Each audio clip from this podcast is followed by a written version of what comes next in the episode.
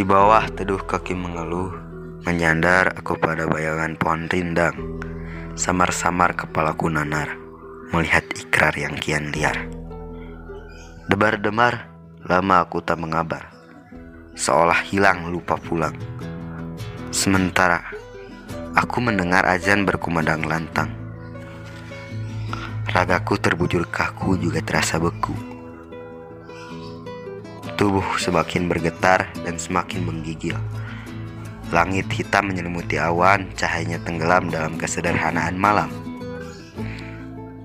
Semua bermain menghiasi rupa bulan. Tepat pada sepertiga malam, aku hiasi semua dengan doa tanpa adanya perantara. Hanya kepada Allah, aku bersimpuh, duduk bersila mengangkat tangan dengan kepanaan terhadap Tuhan Sang Pencipta alam. Ranting pohon mati seolah bergerak bangun dari tidur panjang yang jengkel. Merangkum kalimat doa-doa anak yang sangat soleh yang selalu lalang. Dunia terasa tenang.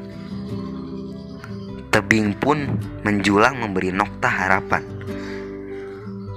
Tuhan yang agung tengah tersenyum. Wahai beribu-ribu wahai, kulihat gunung-gunung indah memberikan kirana cahaya teruntuk hati yang gelap gulita. Kulihat pepohonan berbisik setiap waktu, berseru dengan alunan sang bayu. Kulihat laut bergelombang, membentangkan harapan, berkehidupan peradaban setiap zaman.